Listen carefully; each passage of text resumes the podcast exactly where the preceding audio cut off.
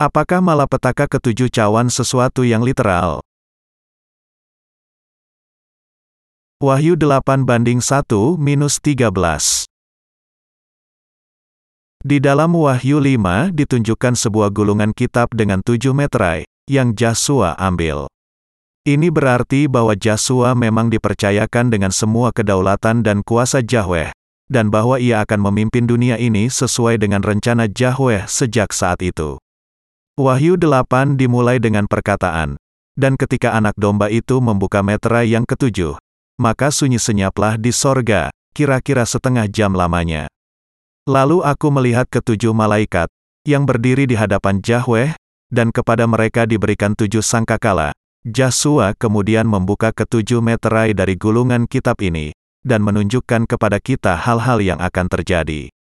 Pasal dimulai dengan menjelaskan kepada kita bahwa malapetaka ketujuh sangkakala akan dimulai dengan doa-doa orang-orang kudus. Sejak ayat 6 dan seterusnya, pasal ini kemudian berbicara mengenai malapetaka ketujuh sangkakala yang akan diturunkan ke dunia ini. Malapetaka sangkakala pertama Sangkakala pertama, ayat 7. Lalu malaikat yang pertama meniup sangkakalanya dan terjadilah hujan es dan api, bercampur darah, dan semuanya itu dilemparkan ke bumi.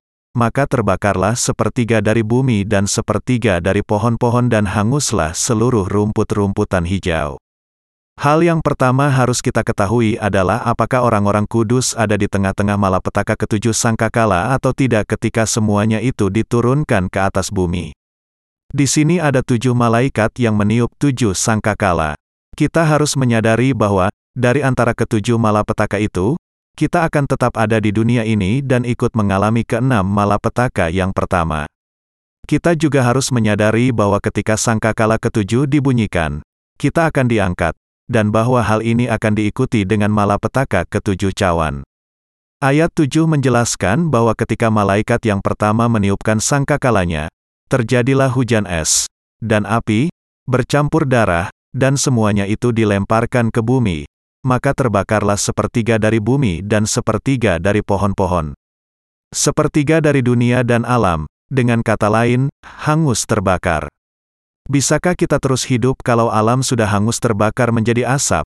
Dengan hujan es, dan api, bercampur darah yang turun ke atas kita, dan kemudian pohon-pohon menjadi abu, bisakah kita hidup dikelilingi lingkungan alam yang demikian yang sudah dibakar habis?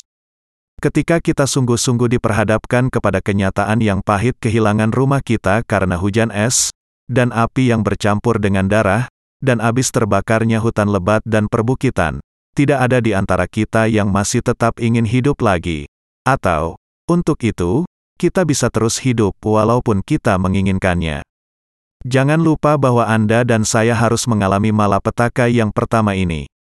Ketika kita mulai menyadari bahwa kita akan masuk ke dalam malapetaka yang mengerikan ini, kita juga harus menyadari bahwa antikristus sudah ada di dunia ini pada saat itu. Karena malapetaka yang demikian akan dimulai sebelum antikristus sepenuhnya muncul dan mengusahakan dominasi mutlaknya atas dunia ini, para pemimpin dunia akan mulai membentuk persatuan-persatuan untuk mengatasi malapetaka itu, dan seorang pemimpin tertentu akan mengumpulkan mereka bersama-sama dengan tujuh pemimpin lain untuk menghasilkan kekuasaan yang sangat besar. Antikristus kemudian akan muncul secara wajar sebagai penguasa yang mutlak di dalam proses ini. Karena Antikristus menunjukkan kemampuan yang besar untuk mengatus dan memulihkan keadaan dari kehancuran alam, banyak orang, yang terkesan karena kuasanya, akan mulai mengikuti dia, berpikir bahwa dia adalah makhluk ilahi, dan ketenarannya akan muncul, secara perlahan tetapi pasti. Alkitab menjelaskan kepada kita bahwa ketika malaikat yang pertama meniup sangkakalanya, hal itu akan mendatangkan malapetaka yang pertama dari ketujuh sangkakala yang akan menghanguskan sepertiga dari dunia. Baik kita orang-orang kudus maupun manusia lainnya masih hidup di dunia ketika malapetaka ini menyerang. Apa, kemudian, yang akan terjadi dengan dunia ini? Kekacauan akan merajalela di dunia ini, dengan puing-puing, mayat-mayat, dan orang-orang yang luka berserakan di mana-mana. atmosfer akan ditutup dengan asap yang gelap dan gas beracun yang dihasilkan oleh lubang berapi yang akan menyelimuti dunia ini dan udara akan kekurangan oksigen dan juga dunia akan menjadi padang pasir karena api yang secara drastis akan memotong kemampuan planet ini untuk menghasilkan oksigen. Malapetaka yang pertama ini akan membuat dunia menjadi puing-puing, sangat porak-poranda sampai menghilangkan kerinduan untuk bisa terus hidup di sana. Dari malapetaka ini, kita harus membuat pilihan yang tepat. Hidup dalam dunia yang normal sekarang ini, bisa saja kita menjadi takut akan datangnya malapetaka dan kesengsaraan yang akan datang. Tetapi kita bisa bebas dari ketakutan ini dan menjadi berani. Kalau sepertiga alam ini kemudian menjadi terbakar dan manusia meratap di mana-mana, jauh sebelum ini kita sudah akan mengetahui bahwa malapetaka itu memang akan sungguh-sungguh berlangsung, dan bahwa masih ada beberapa malapetaka yang lain yang akan terjadi. Karena kita memiliki pengharapan, kita bisa dipenuhi dengan pengharapan itu. Tetapi karena kita juga hidup di dalam daging, kita bisa saja kadangkala diserang oleh ketakutan. Tetapi karena kita mengerti masa depan dari dunia ini, kita menempatkan pengharapan kita bukan kepada dunia ini, tetapi kepada kerajaan Yahweh. Dengan iman yang demikian, dan dengan berdiamnya Roh Kudus, kita bisa memiliki kemantapan dan keberanian.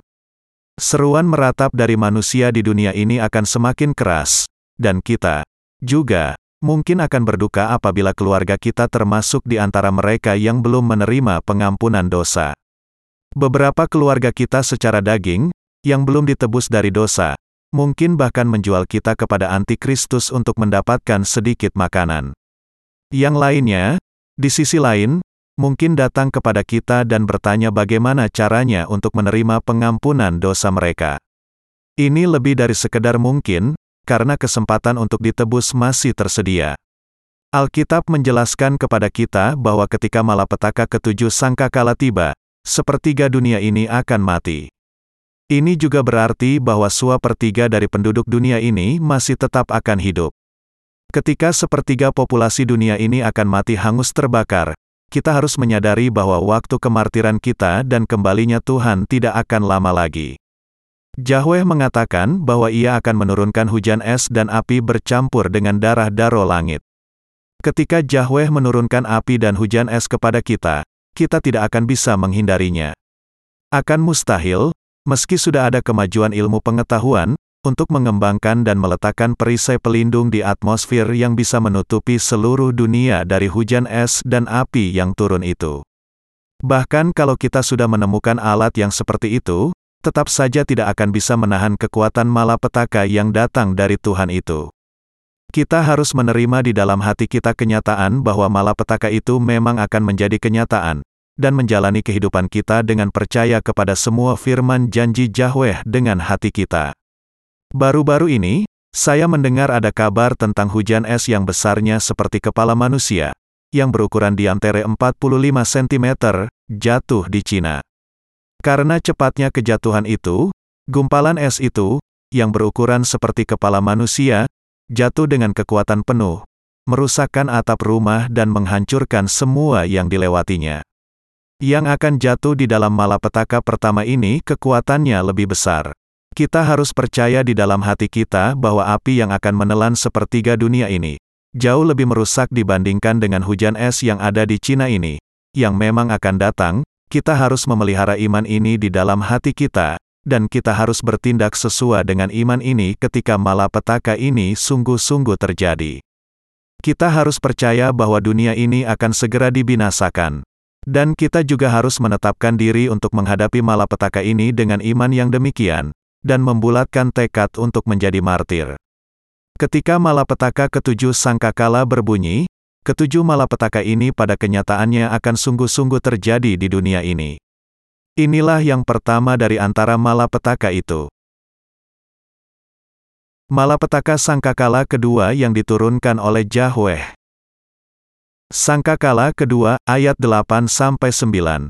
Lalu malaikat yang kedua meniup sangkakalanya dan ada sesuatu seperti gunung besar, yang menyala-nyala oleh api, dilemparkan ke dalam laut. Dan sepertiga dari laut itu menjadi darah, dan matilah sepertiga dari segala makhluk yang bernyawa di dalam laut dan binasalah sepertiga dari semua kapal. Kita harus memperhatikan kenyataan bahwa orang-orang kudus juga akan hidup sepanjang malapetaka kedua ini. Dikatakan di sini bahwa sesuatu yang seperti gunung besar dilemparkan ke dalam laut, yang membuat sepertiga dari laut berubah menjadi darah dan membunuh sepertiga dari makhluk yang bernyawa di dalamnya. Ketika akhir zaman tiba, Susunan alam semesta akan berantakan, merusakkan konstelasi bintang-bintang dan menyebabkan mereka saling bertubrukan dan hancur, dan dari situlah akan terjadi banyak meteor yang kemudian akan menabrak bumi ini. Beberapa dari meteor itu akan berhasil menembus atmosfer dan jatuh ke dalam laut dengan kecepatan dan kekuatan penuh, membuat sepertiga dari laut menjadi darah, membunuh sepertiga dari makhluk yang bernyawa di sana, dan menghancurkan sepertiga kapal-kapal. Ini malapetaka sangkakala kedua di antara malapetaka ketujuh sangkakala. Apakah kemudian kita bisa makan ikan dari laut, atau berenang di sana, sesudah semua ini terjadi? Tentu saja hal itu tidak mungkin lagi. Ketika suatu ateroid yang seperti gunung yang besar jatuh ke laut, sepertiga dari laut akan berubah menjadi darah, sepertiga dari makhluk yang bernyawa di sana akan mati, membuat laut menjadi busuk karena bangkainya, dan gelombang pasang serta gempa bumi tidak hanya menghancurkan banyak kapal tetapi juga membunuh banyak orang. Saya ingat menyaksikan sebuah film tentang asteroid yang jatuh ke laut dan menyebabkan gelombang pasang yang menutupi seluruh dunia. Produser film itu, saya yakin, memiliki gambaran yang sangat jelas tentang akhir zaman di dalam pikiran mereka ketika membuat film ini. Malapetaka besar yang menyerang dunia ini adalah kenyataan yang bisa dimengerti dengan gampang bahkan oleh orang yang tidak percaya. Orang-orang yang tidak terhitung banyaknya akan terbunuh oleh malapetaka meteor yang jatuh. Tetapi karena hanya sepertiga penduduk dunia yang terbunuh, Anda dan saya masih terus hidup di dunia ini sampai malapetaka ketujuh cawan dicurahkan. Orang dulunya sering percaya bahwa pengangkatan akan terjadi setelah masa kesengsaraan besar selesai, tetapi dengan munculnya teori pengangkatan pretribulasi, banyak teolog yang kemudian justru percaya kepada teori pengangkatan pretribulasi ini. Lebih buruk lagi, ajaran amilenialisme, yang menyangkal adanya kerajaan seribu tahun, juga muncul di zaman ini. Para teolog, dalam ketidakmampuan mereka untuk memahami keseluruhan kitab Wahyu, sekarang berusaha hanya untuk melarikan diri dari firman ini. Mereka yang akan kehilangan pengharapan di dunia ini karena malapetaka yang akan datang akan menjadi kontras yang sangat jelas dengan orang-orang kudus yang dilahirkan kembali yang akan bertahan dalam situasi itu. Karena menempatkan pengharapan mereka hanya kepada kerajaan seribu tahun dan langit baru dan bumi baru yang dijanjikan oleh Tuhan. Kita harus mempersiapkan iman kita karena akhir zaman sudah semakin mendekat kepada kita. Dan bukannya melakukan hal itu, banyak orang justru lebih senang berbicara mengenai pengangkatan pretribulasi atau amilenialisme, bersuaha untuk menghindar dari menghadapi iman yang benar. Karena mereka percaya bahwa Joshua akan kembali ke angkasa ketika mereka melakukan kegiatan sehari-hari mereka, kehidupan yang tidak ada gangguan, dan karena mereka percaya bahwa mereka akan secara langsung diangkat ke kerajaan Yahweh tanpa terlebih dahulu mengalami malapetaka itu mereka tidak mempersiapkan iman mereka untuk masa kesengsaraan besar sama sekali. Secara sepintas, mereka yang merasa santai dan tidak mempersiapkan diri untuk masa kesengsaraan besar mungkin nampak sangat berani. Alasan mengapa orang-orang berdosa yang tidak dilahirkan kembali nampaknya sangat berani di masa kesengsaraan besar adalah karena jiwa mereka, sesudah menjadi mabuk karena dusta para nabi palsu, sudah mati, dan sama sekali tidak memiliki keinginan rohani sama sekali. Karena alasan yang sama, yaitu karena jiwa mereka sudah mati, orang tidak mau mendengar dan bahkan menolak Injil air dan roh, yang memampukan mereka untuk dilahirkan kembali dari air dan roh dan masuk ke dalam kerajaan Yahweh. Yohanes 3 banding 5. Tetapi orang-orang yang dilahirkan kembali harus mempersiapkan iman mereka untuk kesengsaraan akhir zaman, tidak peduli bagaimanapun kenyamanan mereka di dalam kehidupan kita sekarang. Mereka harus siap untuk masa depan yang akan terjadi dengan memelihara di dalam pikiran mereka kerinduan untuk memberitakan Injil kepada mereka yang akan setia kepada Yahweh, sehingga mereka juga bisa menyelamatkan sebanyak mungkin orang di sepanjang masa kesengsaraan itu. Mengabaikan kedatang masa kesengsaraan besar yang semakin mendekat adalah suatu kebodohan. Mereka yang melakukannya ak tidak berdaya di depan malapetaka itu, seperti yang terjadi di Perang Korea. Sebelum Perang Korea terjadi, Amerika Serikat sudah mendeteksi adanya mobilisasi besar-besaran di pasukan Korea Utara dan memperingatkan Korea Selatan akan kemungkinan adanya invasi mendadak. Tetapi pemerintah dan pihak militer Korea Selatan sepenuhnya mengabaikan peringatan itu. Sampai mereka mengirim pasukan untuk mengadakan liburan dan membiarkan para perwira yang bertugas di garis depan untuk menikmati weekend mereka pada hari ketika invasi itu sungguh-sungguh terjadi. Karena mereka tidak siap untuk perang walaupun intelijen tentang invasi Korea Utara sudah disiapkan bagi mereka. Mereka tidak bisa menahan serangan Korea Utara dan kemudian dipaksa mundur, dalam waktu singkat, sampai ke front terakhir di ujung sebelah selatan sekali. Pada saat Korea Selatan dengan terburu-buru memanggil kembali pasukannya dari liburan dan berusaha untuk mengorganisir pasukan untuk peperangan itu, Garis depan mereka sudah ditembus dan mereka tidak memiliki pilihan lain kecuali terus mundur dengan korban yang sangat besar.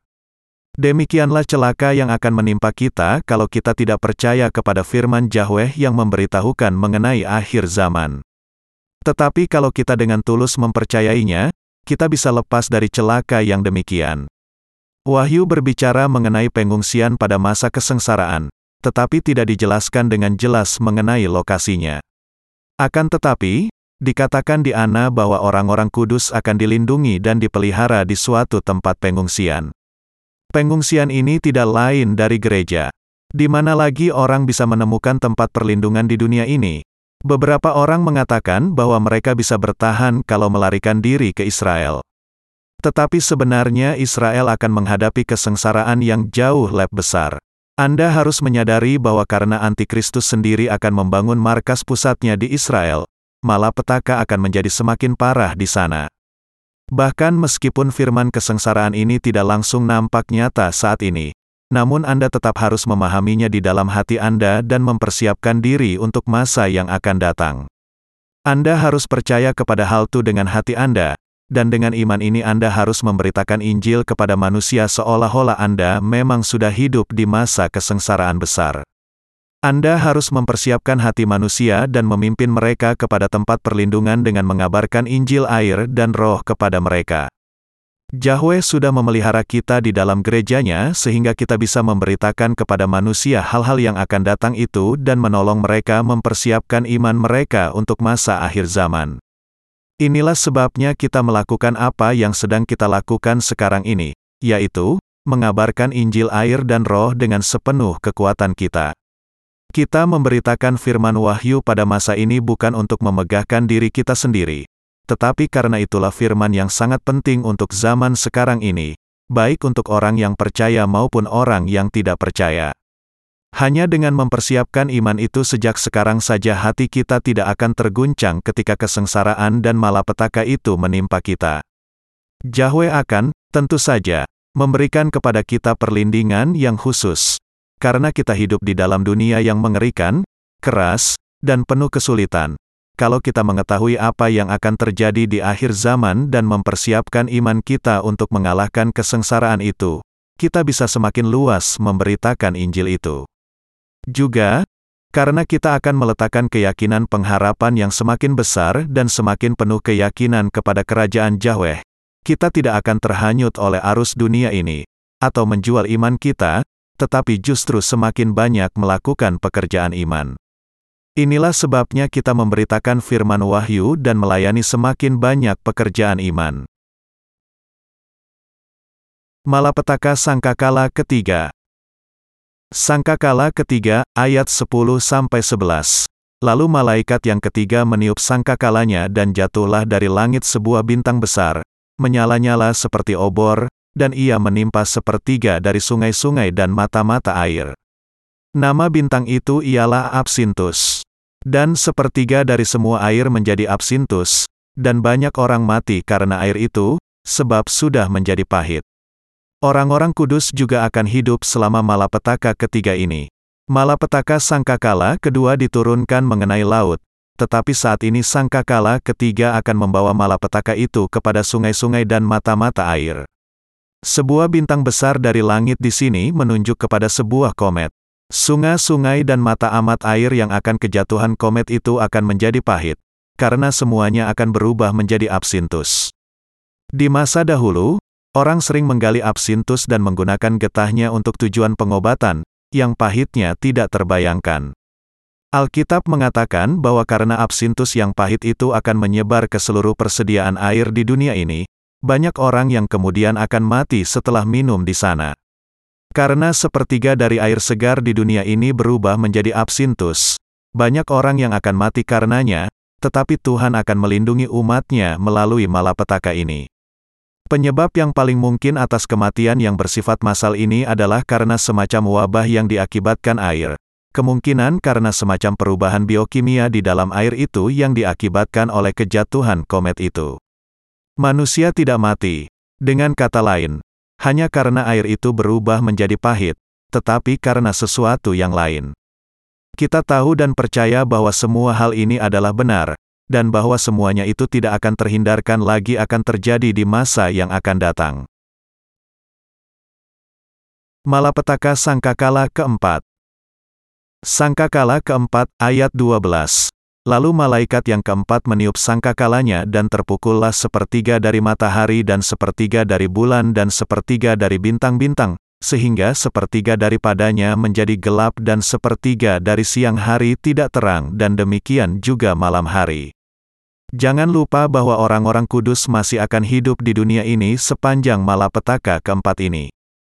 Kalau sepertiga dari hari tidak ada sinar, itu berarti bahwa terang di hari itu berkurang hanya menjadi sekitar 4 jam dari yang biasanya rata-rata sekitar 7 sampai 8 jam. Karena bulan dan bintang-bintang juga akan kehilangan sepertiga terangnya, maka seluruh dunia akan menjadi gelap. Ketika seharusnya terang siang, tiba-tiba saja kegelapan akan datang. Film pengangkatan mengikuti teori pengangkatan pretribulasi, tetapi di sana Anda bisa melihat seluruh dunia berubah menjadi gelap pada saat hari sedang terang, yang menyebabkan semua orang akan berteriak dan menjadi panik. Bayangkan sendiri, senadainya jam menunjukkan pukul 11 pagi, dan tiba-tiba saja matahari menjadi gelap dan tidak ada terang lagi. Anda, juga, akan ditimpa ketakutan, seolah-olah Anda baru saja dikunjungi malaikat maut. Kita tahu bahwa kita akan menjalani hidup di masa yang mengerikan seperti itu, tetapi Anda tidak perlu takut. Yahweh akan melindungi dan semakin memberkati kita. Pada saat ini, iman Anda akan menjadi begitu kuat sehingga Yahweh akan menjawab doa-doa Anda dan bekerja bagi Anda pada saat Anda berdoa kepadanya. Karena Yahweh berjanji untuk selalu menyertai kita sampai akhir zaman, Yahweh tidak akan pernah meninggalkan kita sendirian di masa kesengsaraan besar di akhir zaman. Tanpa ada sedikit pun keraguan, Ia akan senantiasa menyertai kita. Dengan demikian, karena Yahweh akan senantiasa beserta kita setiap waktu, kita harus percaya bahwa Ia akan melindungi kita dan mengizinkan kita untuk tetap bertahan, dan kita harus menyebarkan iman ini kepada orang-orang lain dan mempersiapkan iman mereka juga.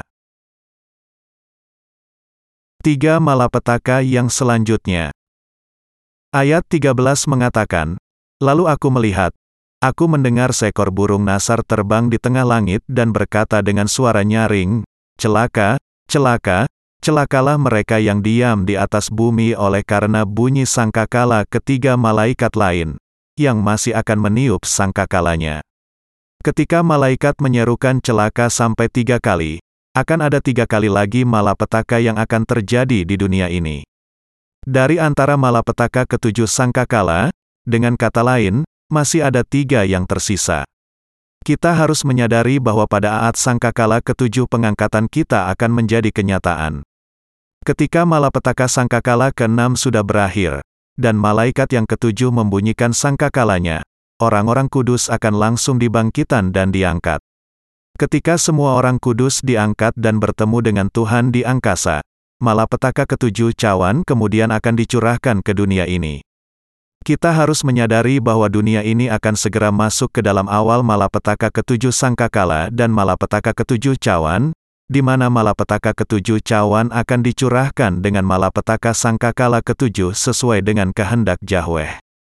Dan kita harus percaya kepada hal itu dengan sepenuh hati kita, memelihara iman kita sekarang sehingga iman kita bisa bertumbuh kuat untuk bertahan melalui semua malapetaka itu. Kalau manusia percaya tanpa terlebih dahulu memahami apa pun mengenai akhir zaman, mereka akan sangat terkejut ketika kesengsaraan sungguh-sungguh datang sehingga bisa saja mereka kemudian menjadi orang-orang yang murtad. Dengan demikian, agar kita tetap menang sampai akhirnya, iman kita kepada hal-hal itu haruslah diikuti oleh pemahaman yang akurat tentang akhir zaman. Saat ini, ketika akhir zaman sudah semakin mendekat, kita kemudian tidak boleh mengabaikan gereja atau jatuh dan menjadi terlalu jauh darinya. Segenap hati kita harus dipersatukan di dalam gereja, dan bagaimanapun, kita semua harus percaya kepada firman Yahweh sebagaimana yang diberitakan kepada kita melalui gereja, saling bergandengan tangan dan hidup oleh iman. Ketika malapetaka itu terjadi, beberapa orang yang belum diselamatkan bahkan keluarga, saudara, atau sahabat Anda sendiri akan datang kepada Anda. Bahkan di masa-masa biasa, ketika ditanya mengenai siapakah keluarga, saudara, atau sahabat kita, Tuhan kita mengatakan bahwa mereka yang melakukan kehendak Bapa adalah keluarga, orang tua, dan saudara-saudara kita. Ketika dunia kesengsaraan tiba, orang-orang yang dilahirkan kembali akan semakin menyadari tentang siapakah sebenarnya saudara, saudari, dan keluarga mereka.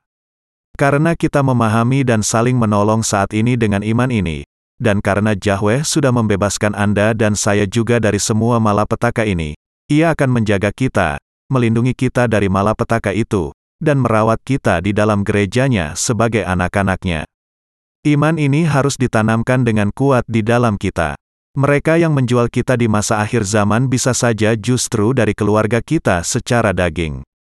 Dengan demikian, meskipun mereka adalah keluarga dan saudara kita, kalau mereka tidak dilahirkan kembali dari air dan roh, iman kita harus cukup kuat untuk menganggap mereka sebagai orang-orang asing sejak awalnya. Mereka, dengan kata lain, bisa saja melakukan hal-hal yang jauh lebih buruk lagi kepada kita dibandingkan dengan orang-orang yang sama sekali asing bagi kita.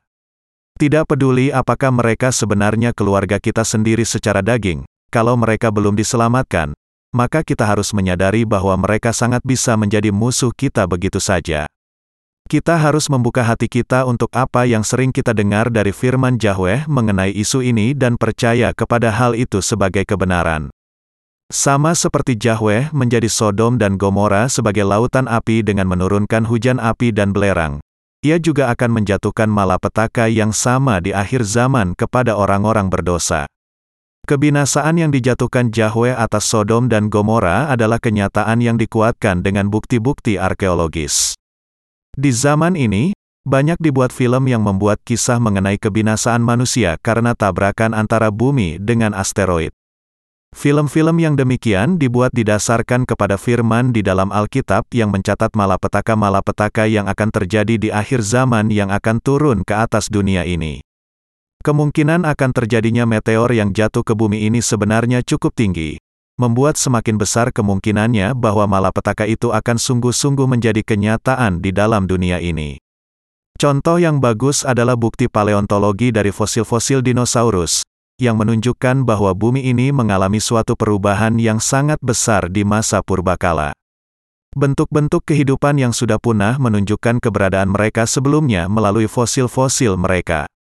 Beberapa ilmuwan meyakini bahwa kepunasan dari bentuk-bentuk kehidupan purbakala, termasuk dinosaurus, bisa dijelaskan adalah karena bencana tabrakan antara bumi dengan asteroid.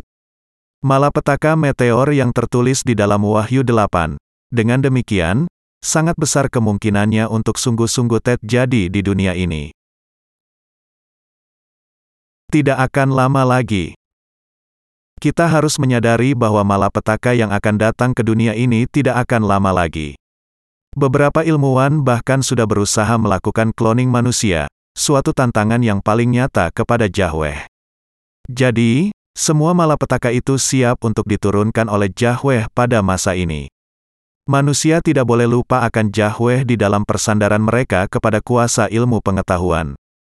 Manusia sekarang berusaha untuk merespons semua malapetaka di dunia ini dengan kuasa pengetahuan ilmiah mereka. Tetapi tidak ada penemuan hebat ilmiah yang akan bisa mencegah terjadinya malapetaka dari Yahweh, karena semua malapetaka itu jauh lebih dahsyat dibandingkan dengan bencana apa pun yang pernah dialami manusia selama ini. Ketika kita melihat kemajuan ilmiah buatan manusia zaman ini, kita bisa melihat bahwa manusia sedang menantang kedaulatan Yahweh, ingin untuk menjadi seperti dia. Tetapi tidak peduli betapa jauhnya kemajuan ilmiah yang dicapai oleh manusia, tidak ada seorang pun yang bisa menghentikan malapetaka yang akan diturunkan oleh Yahweh. Semua malapetaka itu memang diminta tidak lain oleh manusia itu sendiri.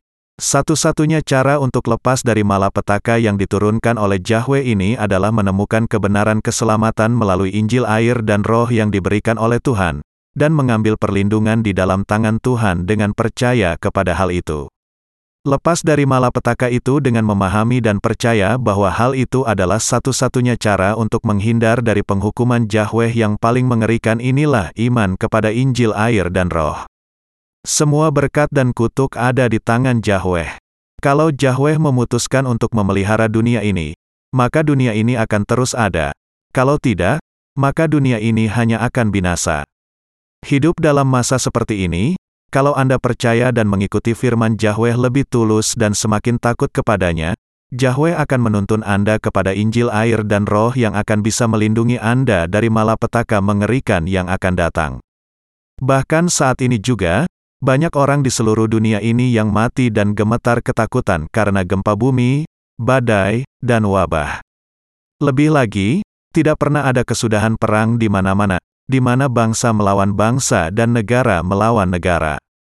Dengan demikian, ketika antikristus muncul nanti tidak lama lagi dan menyelesaikan semua masalah yang mendesak seperti situasi yang kacau itu, banyak orang akan mengikut dia. Ini yang kemudian akan disertai dengan turunnya malapetaka yang paling mengerikan di dunia ini. Dan, dunia ini akan sepenuhnya binasa karena malapetaka yang diturunkan Yahweh itu. Yahweh akan menciptakan langit baru dan bumi baru dan memberikannya kepada mereka yang sudah diselamatkan dari dosa mereka. Tujuan dari Yahweh menciptakan langit baru dan bumi baru adalah untuk memberikan kepada mereka yang sudah dilahirkan kembali karena percaya kepada Injil air dan roh. Tidak lama, Yahweh akan membinasakan dunia yang pertama dan membuka dunia yang kedua. Sama seperti dinosaurus di zaman purbakala musnah, Begitu juga dunia modern dengan peradaban ilmiah ini akan lenyap, dan kita akan menyaksikan dengan mata kita sendiri akan datangnya suatu dunia yang baru yang akan diberikan oleh Yahweh. Kita kemudian harus berpikir tentang bagaimana kita harus menjalani kehidupan sekarang ini. Kita harus percaya kepada semua malapetaka yang akan terjadi ini seperti yang tercatat di bagian yang kita baca, dan menjalani sisa kehidupan kita bagi kebenaran Yahweh, mempersiapkan diri untuk dunia selanjutnya dengan iman. Kita harus memiliki pemahaman akan kitab nubuatan wahyu. Saya mengatakan hal ini sekarang karena ketika harinya tiba, semua pemahaman yang Anda dapatkan akan terbukti memiliki kegunaan yang sangat besar bagi iman Anda. Semua benda angkasa yang memiliki potensi untuk bertabrakan dengan bumi, Mulai dari asteroid yang bertebaran di antara Mars dengan Jupiter sampai kepada komet tidak bernama yang tidak terhitung jumlahnya, secara umum disebut sebagai Near Earth Objects, NEOS. Benda angkasa dekat bumi. Masa pernah mengeluarkan sebuah daftar yang menuliskan 893 neo di tata surya kita saja. Kalau salah satu dari neo itu bertabrakan dengan bumi, kehancuran yang terjadi karena tabrakan itu tidak akan bisa terbayangkan. Akibat kehancurannya mungkin lebih besar daripada ribuan bom nuklir yang digabung secara bersama-sama. Bayangkan kalau hal itu terjadi ke bumi saat itu. Bahwa hutan-hutan dunia, air, dan kapal akan dihancurkan itu terjadi. Semua manusia, karena itu, harus percaya kepada Injil air dan roh dan menghidupi kehidupan mereka dengan mempersiapkan diri bagi kehidupan kekal. Tuhan sudah mengatakan kepada kita bahwa ketika malapetaka alam itu akan terjadi di bumi ini, sepertiga matahari, bulan, dan bintang-bintang akan kehilangan sinarnya. Tetapi sedikit yang memahami hal ini, dan lebih sedikit lagi yang mempercayainya. Dengan demikian, hanya orang dalam jumlah yang sedikit yang akan percaya kepada Injil air dan roh dan memberitakan kebenaran ini. Pikiran kita harus waspada. Malapetaka itu pasti akan datang. Kita harus menemukan iman dan kemantapan dengan jenis yang bagaimana yang harus kita jalani di sepanjang hidup kita. Anda dan saya harus menyadari bahwa zaman ini hanya satu langkah lagi sebelum masuk masa kesengsaraan besar, dan kita harus menghidupi kehidupan kita yang tersisa dengan iman, tanpa sedikit pun merasa ragu di dalam hati kita. Kalau kita tidak percaya kepada firman nubuatan tentang kesengsaraan itu sekarang, hati kita akan menjadi hampa, tujuan kita akan hilang, dan kita akan dilumpuhkan oleh kekhawatiran di sepanjang kehidupan kita. Ini tidak boleh terjadi. Pada saat yang sama, lebih lagi kita tidak boleh menaruh pengharapan kita kepada dunia ini, seolah-olah kita tidak akan pernah meninggalkan dunia ini. Beberapa orang yang memiliki pengetahuan ilmiah dengan baik sungguh-sungguh memahami bahwa tidak ada pengharapan di dalam dunia ini. Yahweh pasti akan membinasakan dunia ini. Yahweh akan menciptakan kerajaan Jasua yang baru dan mengizinkan orang-orang benar untuk hidup di dalamnya. Dan ia akan mengizinkan mereka yang percaya kepada Injil air dan roh hidup di dalam dia selamanya. Kita harus membuang kehendak dan pemikiran pribadi kita di hadapan Yahweh, dan dengan kerendahan hati menerima dan percaya kepada firman nubuatannya. Kita harus mengabarkan Injil air dan roh, dan kemudian bertemu dengan Tuhan ketika ia datang. Mari kita hidup untuk pekerjaan Yahweh ini. Ketika Tuhan datang kembali ke dunia ini, kita akan menerima kehidupan yang baru. Tubuh kita akan diubahkan menjadi seperti tubuhnya, dan kita akan hidup kembali di dalam dunia baru darinya. Semuanya tepat seperti yang dikatakannya kepada kita. Kita tidak mengetahui dengan pasti hari dan waktu kedatangan Tuhan kembali. Tetapi dengan melihat kepada tanda-tanda dunia ini, kita bisa tahu bahwa semua malapetaka yang ditulis di dalam firman Yahweh sudah semakin mendekat kepada kita. Kita kemudian percaya kepada Yahweh yang sudah menubuatkan semua hal itu, dan yang sudah menunjukkan kepada kita jalan keselamatan.